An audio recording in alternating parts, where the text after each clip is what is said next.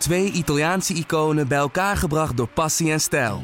Peroni Nastro Azzurro 0.0 is de trotse nieuwe teampartner van Scuderia Ferrari. Doe mee met ons en de meest gepassioneerde fans op het circuit, de Tifosi. Samen volgen we het raceseizoen van 2024. Salute, Tifosi!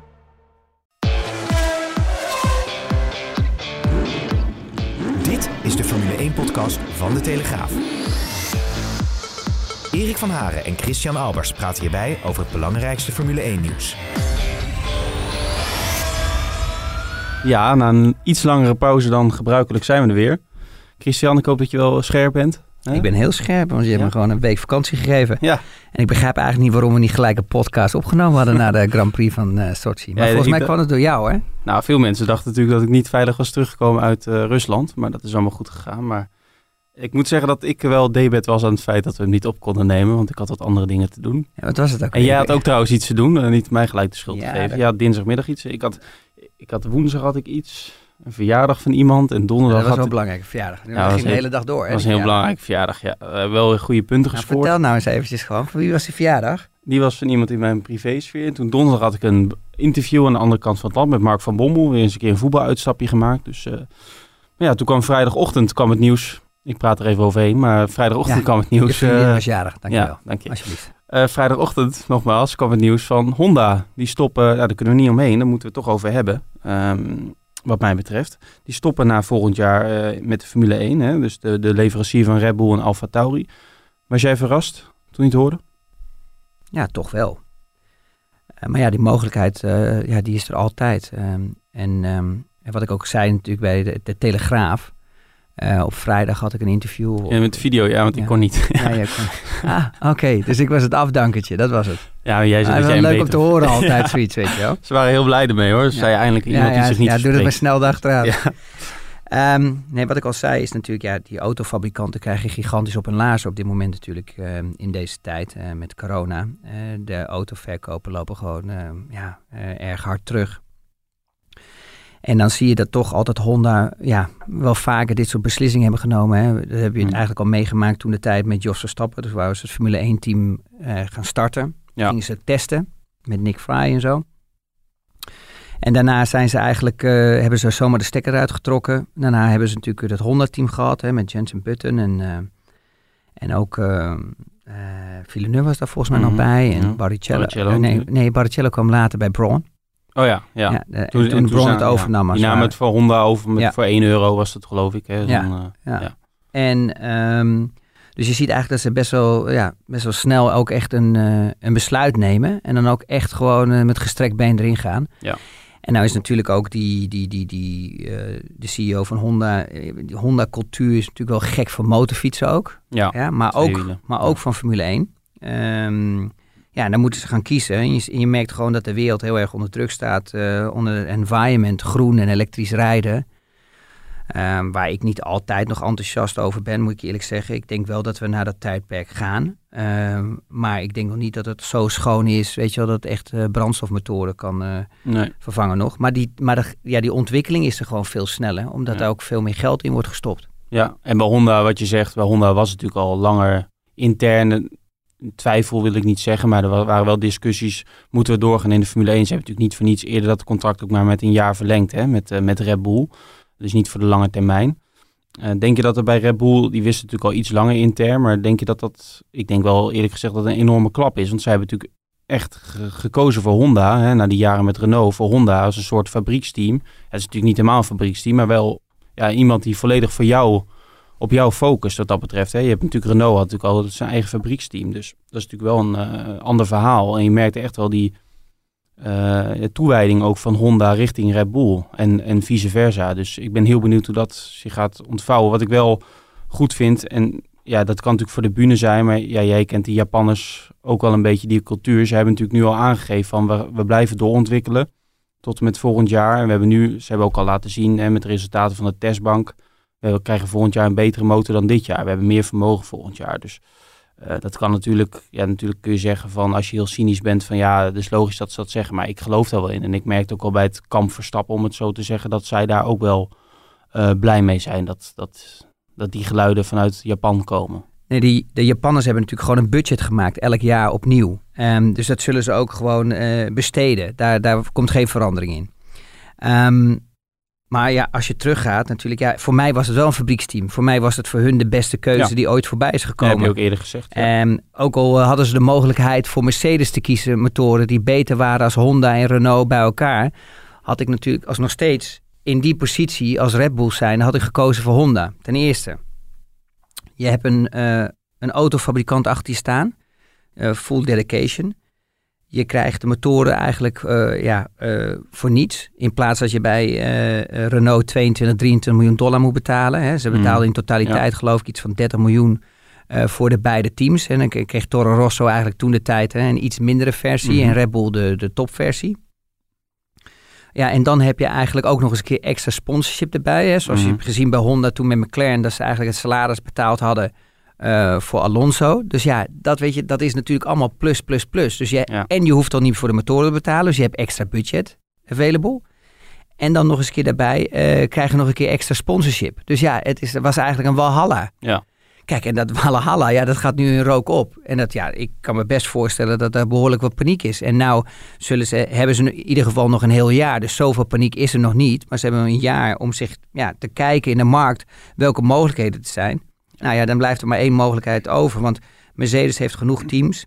Ferrari eh, eh, rijdt ook voorin mee. Die zou dat ook niet doen. En dan heb je eigenlijk Renault die geforceerd dat moest doen. Nou, Abiteboel heeft natuurlijk een ego. Die wil natuurlijk dat eh, dat team van Alp, dus dat wat Renault gaat, hè, wordt dus Al, Alpine, Alpine. ja. Daar wil hij natuurlijk succesvol in zijn hè, in, in Frankrijk. Eh, maar aan de andere kant, hè, dus dat ziet hij ook wel een stukje als een concurrent. Maar aan de andere kant krijgt hij wel extra budget weer binnen. Want Mm. ja, die motoren gaat hij niet gratis leveren. Dus het is ook wel weer best wel positief ook voor Renault. Dat ze niet alleen maar die kosten hebben voor hun eigen ontwikkeling. Maar die ze kunnen verdelen dus over meerdere teams nu. Ja, Helmut Marco, de grote man van Red Bull Racing eigenlijk, die zei volgens mij dat hij hoopt aan het eind van het jaar of begin volgend jaar dat ze al een beslissing kunnen nemen. Ik heb wel het idee, als ik een beetje rondbel, eh, ik kom mezelf eigenlijk al een beetje voor de kop slaan, want een paar weken geleden hoorde ik al van een doorgaans betrouwbare bron dat Honda ermee zou stoppen. Alleen eh, ik ben er niet helemaal op ingedoken. En toen voor de Grand Prix van Rusland vroeg ik het aan Max in een officiële sessie, zeg maar, een interviewsessie. Dat gaat tegenwoordig via Zoom met de Nederlandse pers. En toen vroeg ik letterlijk, eh, hoop je dat Honda doorgaat naar volgend jaar? En toen had hij natuurlijk net die problemen gehad, twee keer uitgevallen. Maar ja, toen zei hij, ja, ik hoop dat ze doorgaan. Dus toen dacht ik van, oké, ze gaan door. Alleen, ja, ik heb het later nog even aan hem gevraagd. Hij zei, ja, ik kon moeilijk toen zeggen, ik hoop niet dat ze doorgaan, want dan krijg je een hele rel. Dus dat betreft snap ik het wel. Dat Dat zijn ook zijn verplichtingen in het contract natuurlijk. Kijk, Max is zo. Kijk, de tijden zijn ook compleet veranderd. In mijn tijd haalde je het echt niet in je hoofd om iets slechts te zeggen. Daar was veel meer druk van de fabrikanten en van je bazen. En het was alleen maar ja, nee en amen. Mhm. Die tijden zijn gewoon veranderd. Dat zie je nu ook. Weet je wel. Ik bedoel, ik zie het zelf aan mijn eigen kinderen ook. Je ziet het aan social media. Die heeft de wereld zoveel ja, kleiner gemaakt. En je ziet ook dat de sporters ook veel meer. Ja, grote mond wil ik niet zeggen, maar ze, kunnen, ze zeggen veel meer wat vroeger echt te boze was.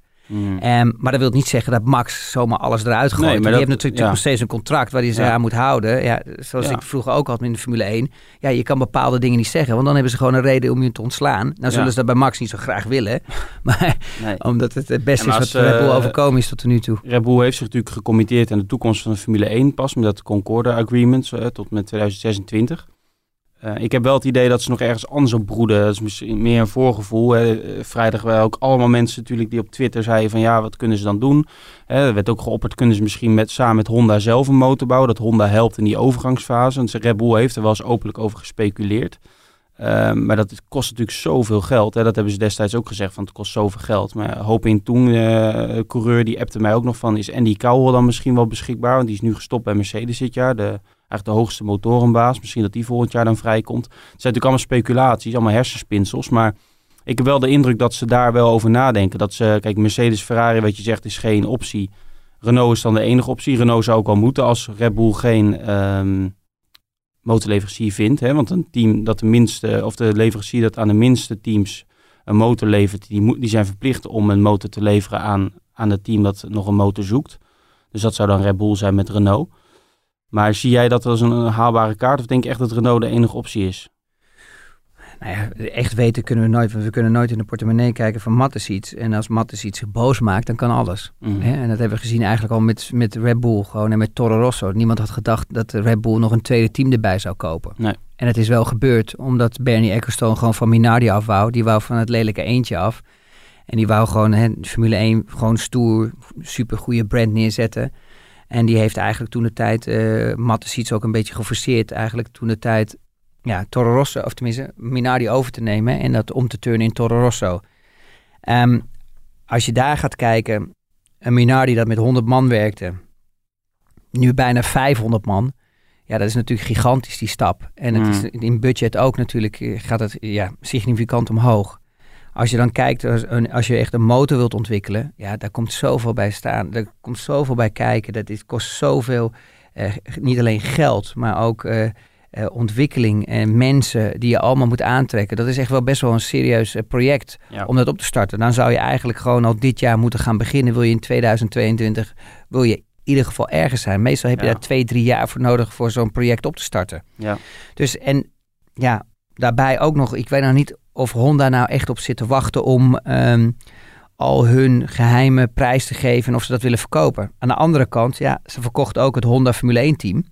Hè, wat ook niemand had verwacht. Maar ja, ze wouden eigenlijk van het probleem af. Mhm.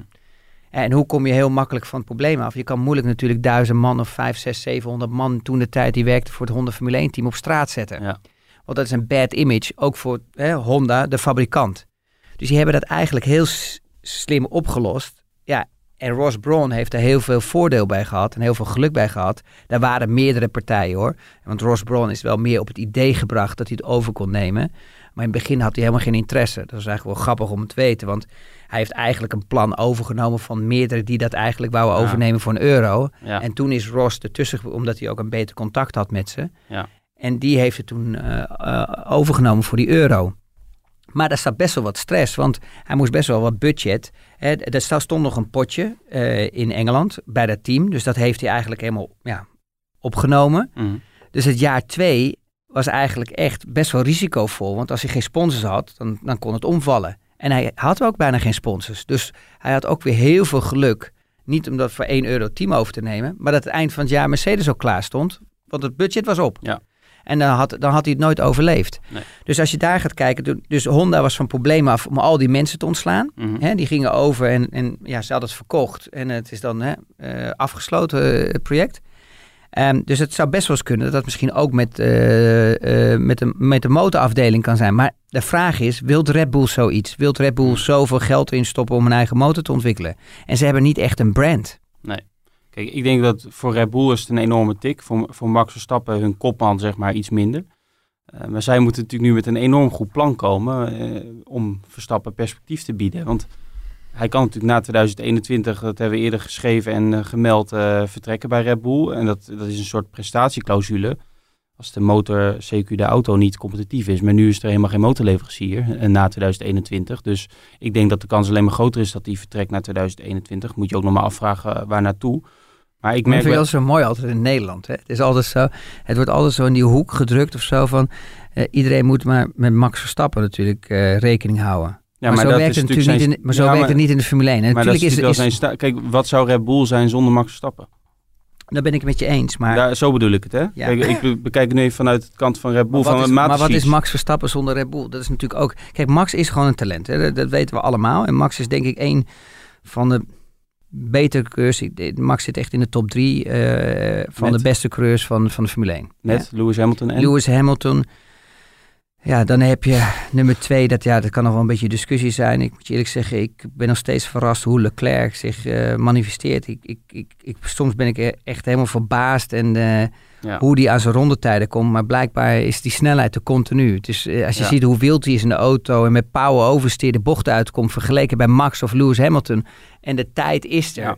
Ja, denk je, is dat in deze is- auto. ik denk bij mezelf, is dit de nieuwe nu? Is er een nieuwe stijl gekomen? Is er een nieuwe manier van rijden gekomen? Dus blijkbaar heeft eh, Charles het wel. Maar we daar... eh, sorry, dat is mijn fout, want ik... vroeg dat aan jou wie dan die derde was. Maar eh, jij wil iets dat- zeggen over Max. dat- Nou ja, ik, ik vind Lewis Hamilton, ik vind nog steeds, eh, eh, ik zit nog steeds een beetje met Alonso, maar dat gaan we pas zien volgend Ja. jaar. Hè, of, die, of die bij kan poten, want Alonso vind ik nog steeds Ja. echt een, eh, jij, wil, een jij, talent. wil, jij wil iets zeggen over Max. Eh, wat is Max zonder Red Bull? Nou ja, dat is precies hetzelfde. Eh, eh, dat is wat ik al zei. Hè. Het is niet alleen, Max is natuurlijk gewoon, eh, eh, nou, daar wordt het meeste aangetrokken in de Formule 1 op dit moment. Dat is, maar het probleem is dat je natuurlijk Mercedes hebt met een superster wat, eh, die Lewis Hamilton heet. Ja. Waar de marketing alles omheen gebouwd is in al die jaren en al die kampioenschappen omheen zit. En een wereldkampioen is altijd aantrekkelijk qua marketing. Dat zie je ook aan, eh, aan eh, Vettel, die nu door Racing Point is getekend.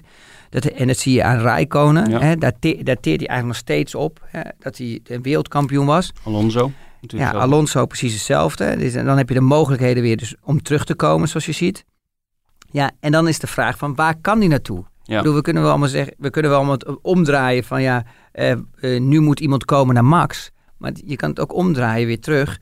Is van waar kan Max naartoe? Mhm. En op dit moment zie ik niet Lewis Hamilton. Die gaat gewoon nooit meer akkoord dat eh. Max, Verstappen, Max Verstappen naast hem komt te rijden. Dus dan hou je alleen maar nog een paar teams over. Nou, dan is het misschien hopen dat Carlos Sainz een eenjarig contract heeft getekend. Ja, en dat dat volgend jaar geen succesformule wordt met Charles Leclerc en, en, en, en Sainz.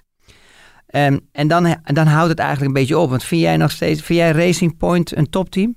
Ik bedoel, ze kunnen het nu goed doen met een, met een Mercedes. Ja, maar een, daar zou Max nooit heen gaan, want hij weet... nou, dat bedoel ik. Dus de, wat, dat, de kopie van een topteam is nooit beter dan het, correct, dan dus het origineel. kan, maar waar kan hij dan naartoe? nou, dat is Het is maar één optie.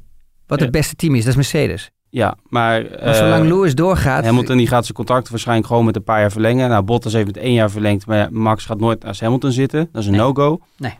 Kijk, daarom merk ik wel rust bij, eh, of rust. Eh, natuurlijk, de Verstappers waren, Jos en Raymond, de manager van Max, waren ook eh, in Rusland. Dat was al vo- eh, voorhand gepland om even elkaar, dat is denk ik goed, om elkaar ook even te spreken face-to-face en elkaar in de ogen te kijken.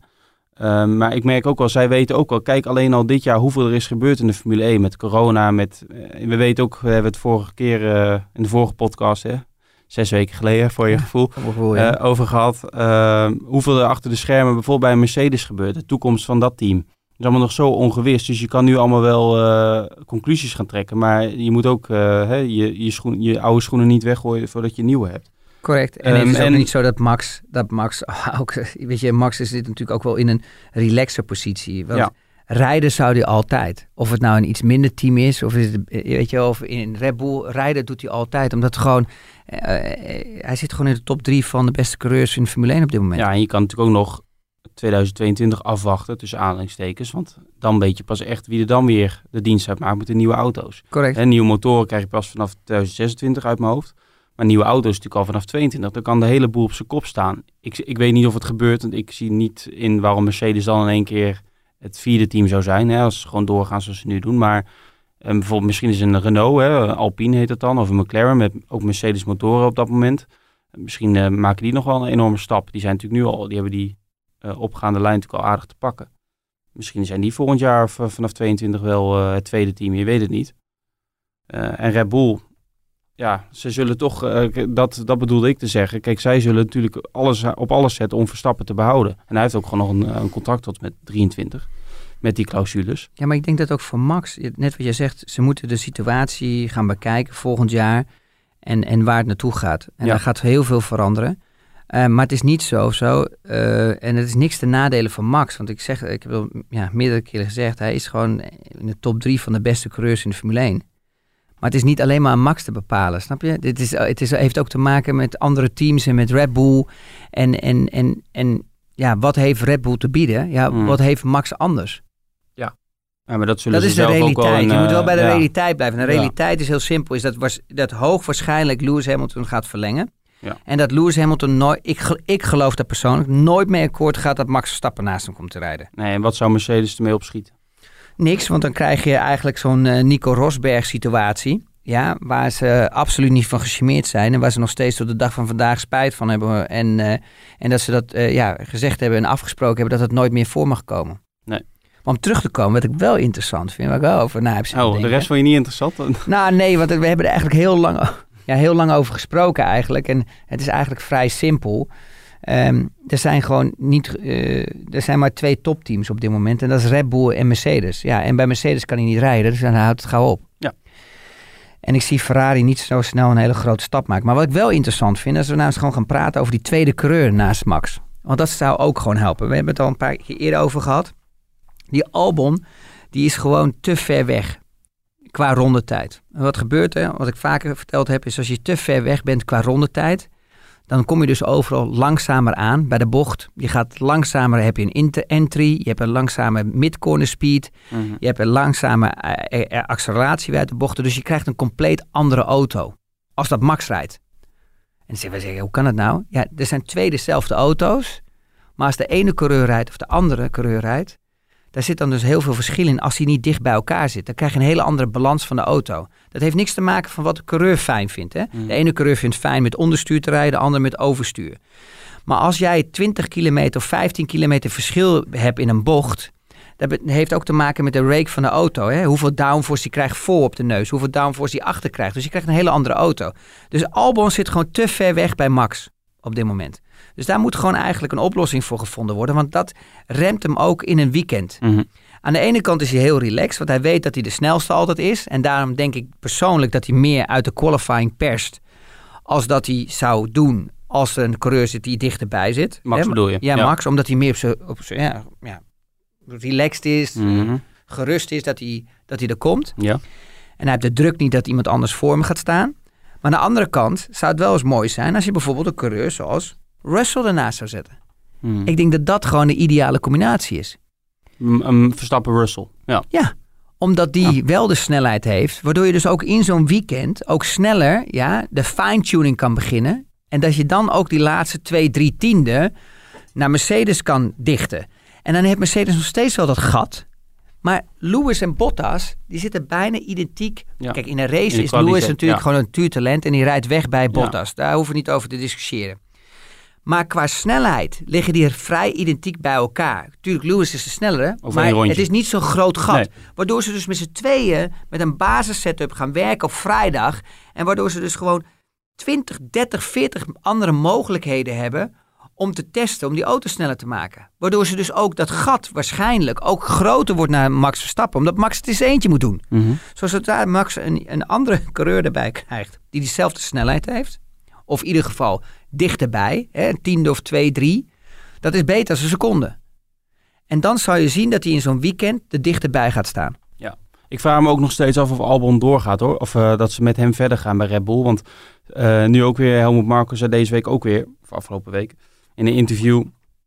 En Christian Horner, de teambaas, die het uiteindelijk niet bepaalt. Maar, no eh, way, Erik. maar die, die- gaan volgend jaar niet met hem die- door. kijk, Als die, die- doorgaan je- met Albon, Ja, wat dan? ja, dan eet ik mijn schoen op. Oh, ik dacht neem je een fles wijn mee of zo. Nee. Maar. Nee, nee. maar Maar die wil ik ook wel meenemen. Is misschien beter als mijn schoen. ja, dat lijkt me wel, ja. Eh, maar eh, je merkt gewoon aan die, aan die, dat zijn van die politieke teksten. Ze zeggen de hele tijd, onze intentie is om met Alex door te gaan. Als hij tenminste eh, performt, dus presteert. Dus daar zit al een, een, een mits en een maar. Eh, en anders gaan ze verder kijken. En je, ga, je kan nu, wat is het? Het is oktober. Als je echt door wil met iemand, sowieso, dan zeg je nu, we gaan door met hem. Ja, maar dus, niet alleen de druk staat bij Albon er volop. Maar de druk staat ook in het team natuurlijk intern op. Ja. Want die Newey, ja, die moet zich ook verdedigen naar Mattesiets. En Christian Horner ook. En, en Marco ook. Dus waar ga je over, overal moet je iets vinden. Ja. Waarom, waarom gaat die auto niet? eh, waarom, waarom is hij langzamer als vorig jaar? Ja, dan moet je toch iets uitleggen. Ja, en des te meer factoren je erbij, erbij kan halen, Ja. ja. des te ja, wat zachter het wordt om aan de grote Ja. baas uit te leggen. Ja. Nou, en ik denk dat daar de coureur ook bij hoort. Ik bedoel, Adrian Newey, ja, die heeft genoeg verstand ervan dat hij weet als de andere coureur te ver weg is. En dat zie je aan zijn lichaamstaal, aan de pitmuur. Als je Albon eh, met de qualifying zit, dat hebben we ook gezien eh, op de A1-ring en eh, waar hij nog meer erbij was. Ja. Ja, weet je, dat zegt gewoon genoeg. Dan kan hij nog zo fantastisch straks gaan doen, maar ik geloof daar niet in. Hij heeft die snelheid niet. En of hij die gaat krijgen, dat hoop ik voor hem, maar ik denk het niet meer. Het wordt gewoon tijd, denk ik, dat Red Bull de eigen trots overboord zet. Dat ze toch een keer iemand van buiten afhalen. Nee, Want het heeft niks ook te maken met trots. Ze hebben geleerd van Gasly. Ze hebben Gasly te snel onder druk gezet. En dat is typisch Dr. Marco. Dr. Marco denkt namelijk dat met die coureurs, dat is allemaal, die moeten gewoon hun job doen en is klaar, dit en dat. En er zit eh, wat minder passie bij. Ik heb hem zelf ook met, met hem gesproken. En toen de tijd met Red Bull, toen hij net begon, eh, of met Red Bull, met het Formule 1000 team. En het is geen makkelijke man op dat gebied. Hij is wel eerlijk, hij is wel straightforward, maar hij is ook niet makkelijk. En ik geloof niet meer in. Ik heb nooit geloofd in de coureurs onder druk te zetten om prestaties te krijgen. Daar geloof ik absoluut niet in. Maar er zijn er heel veel die daar wel in geloven. Maar je ziet bijvoorbeeld, toen ik, ja, ik geloofde niet. En je ziet bij Gasly, heeft het een nek omgedraaid. En nou zie je dat hij goed in zijn vel zit. En nou zie je dat hij presteert in een minder team. Er staat minder druk op hem. Ja, en dat, daar hebben ze wel van geleerd, want daar is wel wat backfire gekomen natuurlijk van de pers, van iedereen. Op een gegeven moment zijn ze daar wel over na gaan denken. En, dan, en nou gaan ze eigenlijk weer bij, bijna de, de verre kant op, weer, weer de complete andere kant op om, om zo te verdedigen. Ja, dat het bijna weer zielig begint te worden. Ja, maar ik merk niet een onvoorwaardelijke steun of zo. Dus ik, ik zie dat niet gebeuren, dat die... Uh, maar ik zie ze ook niet. Het lijkt me ook niet verstandig om Gasly dan weer terug te zetten in die Red Bull. Nee, Laat die lekker uh, bij nee, Alfa Tauri. Er er, er is voor mij maar één coureur maar daar hebben ze zelf misschien nog niet eens over nagedacht. Maar er is maar één coureur voor mij die echt uh, perfecte match zou zijn. Omdat het ook een aardige jongen is. Het is een beetje zo'n... Uh, Russell is een beetje hetzelfde kaliber als Lan, Nando. Lando, Lando Norris, ja. ja. Die zijn leuk. Het is een nieuwe generatie. Eh, en wat heel maf is, want het is compleet tegenovergesteld als het vroeg in mijn tijd was. Het was toch altijd een beetje hè, met coureurs onder elkaar, een beetje rivalen. En hè, ja, zeg je wel gedag, geen gedag, weet je. Het was wel altijd, leek wel relaxed, maar er was toch meer... Misschien kan Alonso dat weer terug inbrengen volgend ja, Meer, er was meer strijd. Dat zag je ook met Massa, met Alonso. En ja. ze hebben met anderen gezien, met Lewis Hamilton alles. Er was gewoon veel meer strijd. Je ziet dat de nieuwe generatie veel relaxed is en veel open is. En social media, eh, dat is dan wel weer een, een pluspunt daarvan. En ik denk dat uh, uh, Russell daar weer de juiste persoon voor is. En, en Max is er ook relaxed met de andere coureurs. Dus dan heb je en een coureur die, die relaxed is, die in het team komt. En je hebt er eentje die ook gewoon gas kan geven. Die dichter bij Max is. Ja, en dan kan je ook vooruit gaan boeken. Dus, ja, andere ik had ja namen, ik had ook nog helemaal niet over nagedacht. Want je hoort vooral Hulkenberg Perez, hè, als het over. Uh, ik vind, moet je kijken, Perez heeft een tijd gehad, vind ik. En, ja, die zal wel naar Aas gaan. En Hulkenberg, ja, luister, ja, weet je wat, ja. Ik bedoel, je verleert niet Formule 1 te rijden. En eh, we, praten over misschien dat hij een half jaar eruit is geweest. Maar die andere, met alle andere coureurs ook. Met corona zijn we ook drie, vier maanden later gestart. Ja. of misschien wel uh, voor het gevoel een half jaar later.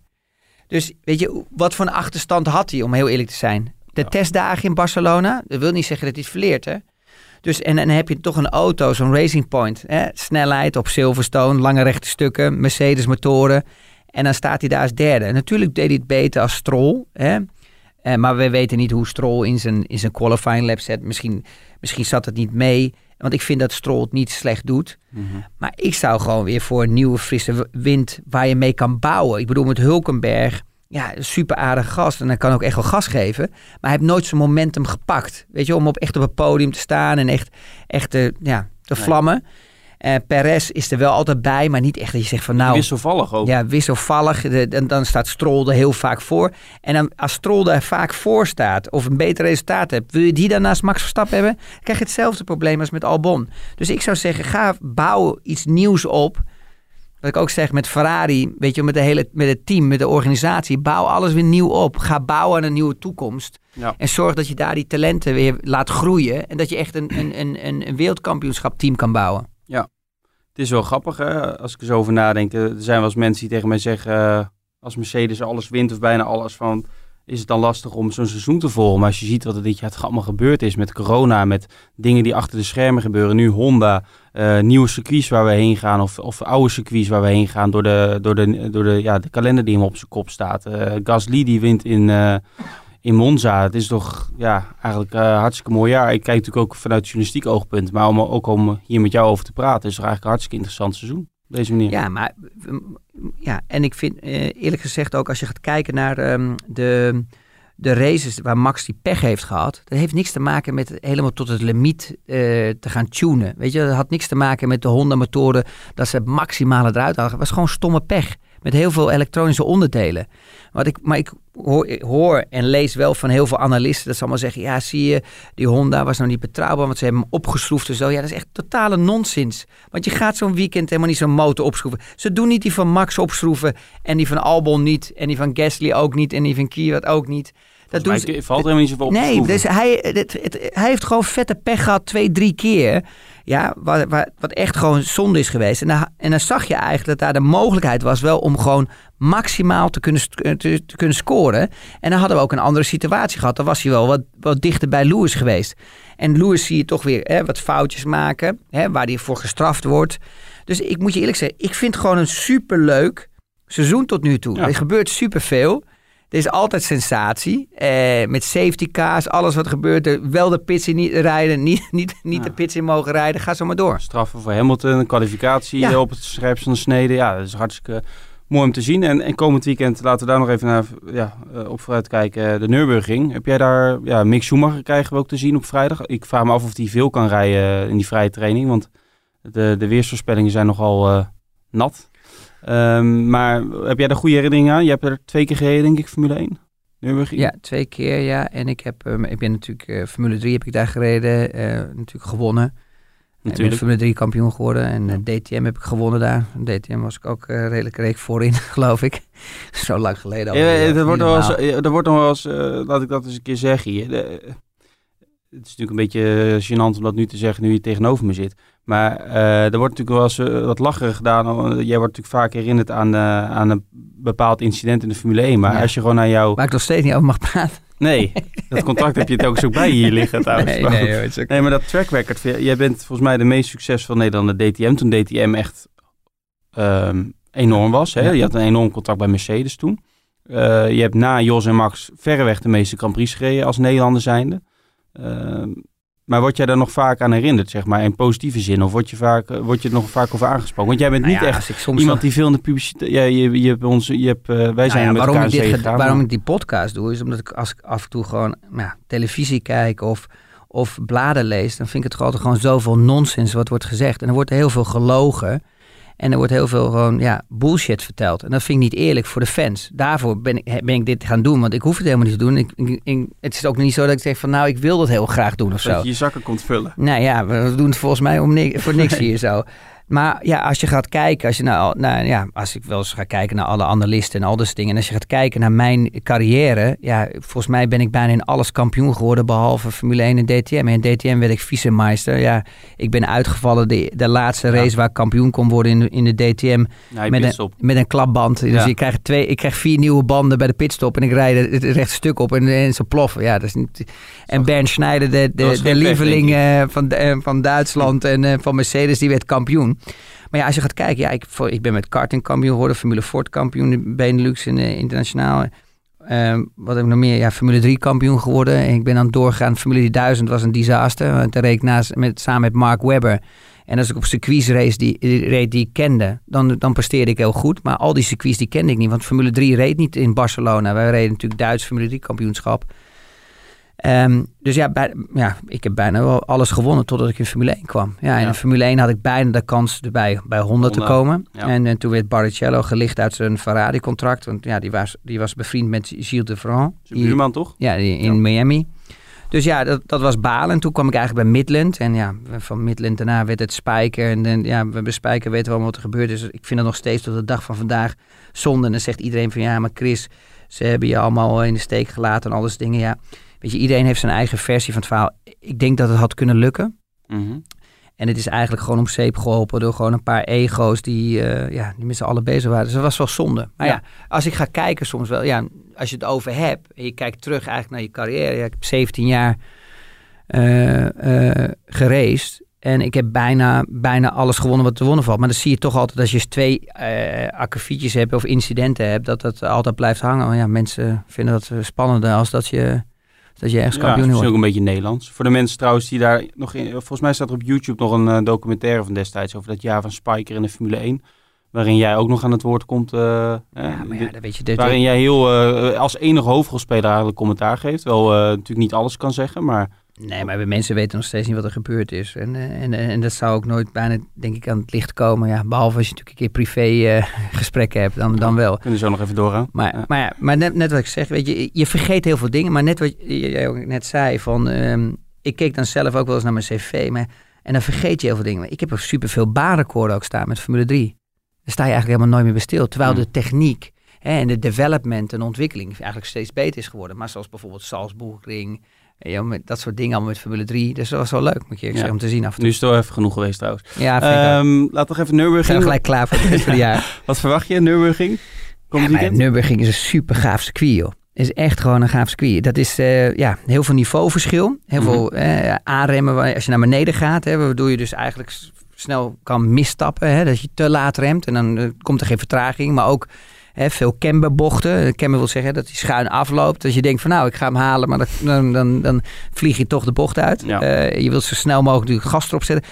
Maar ook heel belangrijk is dat circuit. Is dat je dus gewoon echt een goede auto eh, qua setup nodig hebt in midcorner. Hè, dat die, dat die stabiel is waar je snel op het gas kan gaan. Want bijvoorbeeld in Nürburgring heb je echt best wel wat redelijk veel rechte stukken. En daar win je heel veel tijd. Dus dat is heel belangrijk qua setup voor een auto eh, dit weekend. En daar zullen de coureurs ook eh, gaan focussen. Ja, en misschien eh, ja, er wordt genoeg regen voorspeld. In ieder geval voor deze week het weekend iets minder, maar ook nog wel genoeg regenkans. Dus dat kan ook nog interessant Ja, en het worden. grappige ervan, het is in zo'n gedeelte, weet je, het is echt in de Eifel daar. Ja, ja, dat is weten En- Prix ook. En het ja. kan gewoon achterin kan het eh, sneeuwen of eh, hagelen of eh, regenen. En in het begin van het recht, bij het rechte stuk kan het gewoon helemaal droog zijn. En Ja. dat is het mooie ervan. Maar, maar dat, ik denk dat we dat allemaal willen zien. We willen een weekend hebben waar gewoon halverwege of beginnend regent en daarna weer droog worden en dan weer regent. Dat zou geweldig zijn, want dan krijg je echt gewoon ja, eh, eh, verschillende factoren in Ja. zo'n race. Ja, en dan een keer hopen eh, dat Lewis niet zijn beste dag hebt.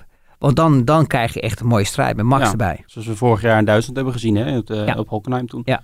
Nog wat leuks voor mij, het is de eerste keer dat ik erheen Ik, ik ken Hockenheim natuurlijk goed, maar nog Nou, leuke dingen in de frisse omgeving. lucht. Dat is goed voor je. Nog leuke dingen in de omgeving? Of? Nee, er is echt helemaal er is echt helemaal niks.